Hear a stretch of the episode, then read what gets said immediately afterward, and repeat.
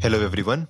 I, Manan Bava, your host for the day, bring you greetings from the Epitome, the Economic Society of Shivaji College, University of Delhi. You have tuned into the fourth and the most exciting episode of the E3 series. To know more, kindly refer to the description. Today, we will be talking about a currency which is not a fiat currency and is considered a very hot topic. A topic that is on the minds of every Gen Z, and its name is cryptocurrency. I am sure that many of our listeners must have heard about the world of crypto. If not, don't worry.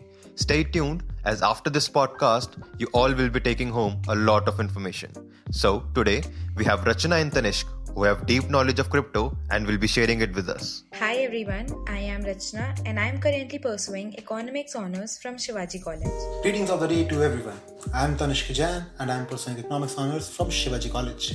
Although most of us have heard about crypto, Rachna, if I ask you, how would you define it? Mm, according to me, cryptocurrency is a form of a digital asset based on a blockchain network that is distributed across many computers. Following what she said, one of the defining feature of it is the fact that they are generally not issued by any central authority, making them theoretically immune, impregnable to government interference or manipulation, which makes it possible to make secure online payments without the use of third party intermediaries. That was something I can call insightful. But is it true that there is a lot of risk in owning crypto? Yes, cryptocurrencies like Bitcoin do pose a certain element of risk, as they do not have an inherent value and are volatile and can cause huge risk to investors. Such risks include sudden and rapid drops in their values due to external factors. For instance, the volatility of the market can very well be understood by a recent tweet by Elon Musk, which led the whole market in red. But mostly, meme coins that have no fundamental value crash badly on such news but fundamental coins like Ethereum, Solana, BNB, etc. regain their value with time. Tanishk, can they be exchanged for goods and services? As rightly said by Rachna, in most of the countries, cryptocurrencies or crypto assets do not have a legal tender status, except in El Salvador. It means they can't be used to buy or sell things, but this can very well be possible once the central banks accept it as a legal tender or as a legitimate medium of exchange. It's comparable to purchasing gold or other investment products. However, despite not having a legal tender, as per industry estimates, there are 15 million to 20 million cryptocurrency investors in India, with total crypto holdings of around 40,000 crore rupees. India's share of person to person virtual currency trading in Asia has surged to 33%, the same as in China. Voila, that's quite a number. Does this mean there must be some unseen benefits related to crypto? Of course, there are some benefits.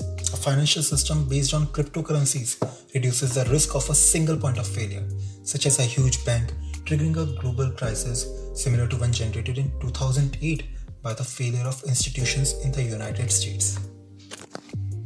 Also, cryptocurrencies promise to make it easier and even faster as compared to standard money transfers to transfer funds between two parties without the use of a trusted third party such as bank or credit card provider. Public and private keys, as well as various incentive schemes such as proof of work and proof of stake, are used to secure such decentralized transfers. Adding to that, investing in cryptocurrencies can be profitable.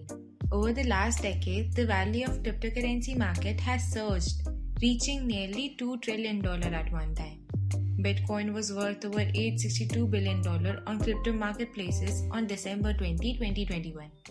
But folks, invest at your own risk, considering the volatility of the market. I don't agree with investing in crypto, as from my point of view. It is good for a person to understand a market, the risk, and the benefits underneath. And only invest after calculating his risk profile, considering the volatility of the market, as it can make a person hero to zero within a couple of seconds. Also, my words are not to demotivate you, it's just my point of view. I can't deny the fact that cryptocurrency is perhaps the future, but invest only after you understand it wholly, not going by the wave or surge. Well said, Tanishk, that one should first search thoroughly and then go into investing his or her valuable money into anything, be it crypto. So, this reminds me of the famous idiom that every coin has two sides. So, does this hold in this case too? Yes, there are certain disadvantages also that one must be aware of. Hmm? Elaborate, please. Sure, cryptocurrencies are pseudonymous as they claim to be an anonymous form of transaction. The worst thing is that they create a digital trail that can be deciphered by entities like the Federal Bureau of Investigation or FBI. This gives governments and federal agencies the ability to trace the financial transactions of regular persons. Not to forget that criminals are increasingly using cryptocurrency for undesirable operations, such as money laundering and unlawful purchasing. The case of Dread Pirate Roberts, who managed a dark web bazaar for drug sales, is well known. Cryptocurrencies have also grown popular among hackers who use them to spread ransomware. That's scary. Also, in theory, cryptocurrencies are meant to be decentralized.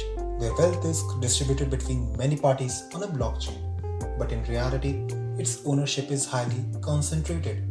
For example, an MIT study found that 11,000 investors held roughly 45% of Bitcoin's surging value. Adding to that, though cryptocurrency blockchains are highly secure, other crypto repositories such as exchanges and wallets can be hacked. Many cryptocurrency exchanges and wallets have been hacked over the years, sometimes resulting in millions of dollars of worth of coins being stolen. Thank you, guys. You just saved me from making a hasty decision. And I am sure that our audience would also have made an informed decision by now. So, what exactly is the basis of cryptocurrency? How do they operate? This is the most interesting question and the most important one. The basis of the operation of cryptocurrency is a technique to store information or data in a decentralized manner. That is, there is no central authority to control the entire data and information.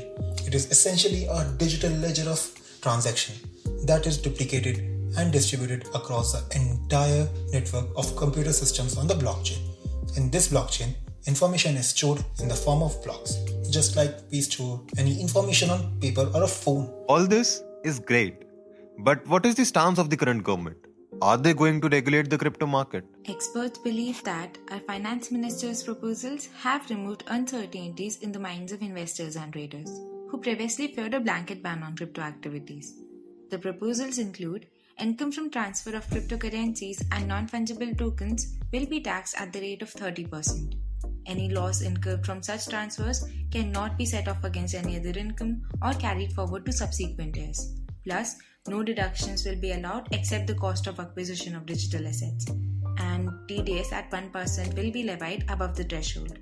Also, introduction of CBDC, Central Bank Digital Currency. You mentioned CBDC. Can you elaborate on it? So, CBDC or Central Bank Digital Currency is a legal tender issued by the Reserve Bank of India. A CBDC is an electronic record or digital token of a country's official currency which fulfills the basic functions as a medium of exchange, unit of account, store of value, and standard of deferred payment. There would be no difference between owning a digital rupee and owning a physical rupee. CBDC is the same as currency issued by a central bank but takes a different form than paper or polymer. CBDCs should be exchangeable at par with cash. RBI officials stated that the central bank's digital currency, unlike regular rupees, will exist in a wallet rather than a bank account. As you said, the value of CBDC will be equal to the fiat currency. But we already have digital payment methods such as UPI. So, why is there a sudden focus on the introduction of a blockchain based virtual currency? According to the RBI, there are several advantages that a CBDC has. Payments using CBDCs are final and thus reduce settlement risk in the financial system. It will eliminate the need for interbank settlement and can be compared to a UPI system where CBDC is transacted instead of bank balances as if cash is handed over. Bridging global differences, CBDCs would also potentially enable more real time and cost effective globalization for payment systems. It is conceivable for an Indian importer to pay its American exporter on a real time basis in digital dollars without the need of an intermediary. This transaction would be final if cash dollars are handed over and would not even require the US Federal Reserve System to be open for settlement. Time zone difference would no longer matter in currency settlements. For India in particular, another benefit of RBI's CBDC is that India's high currency to GDP ratio could be reduced if cash usage is reduced with CBDC's introduction. While India has made huge strides in digital payments with UPI, the significant displacement of cash is still a problem due to the anonymity that cash offers. Thank you so much, Rachna, for speaking with me. Thank you, everyone, listening to me. I would like to sign off from here. Good day and keep learning. Alright then. Thank you for having us on the show. Thank you, Manan, for hosting us.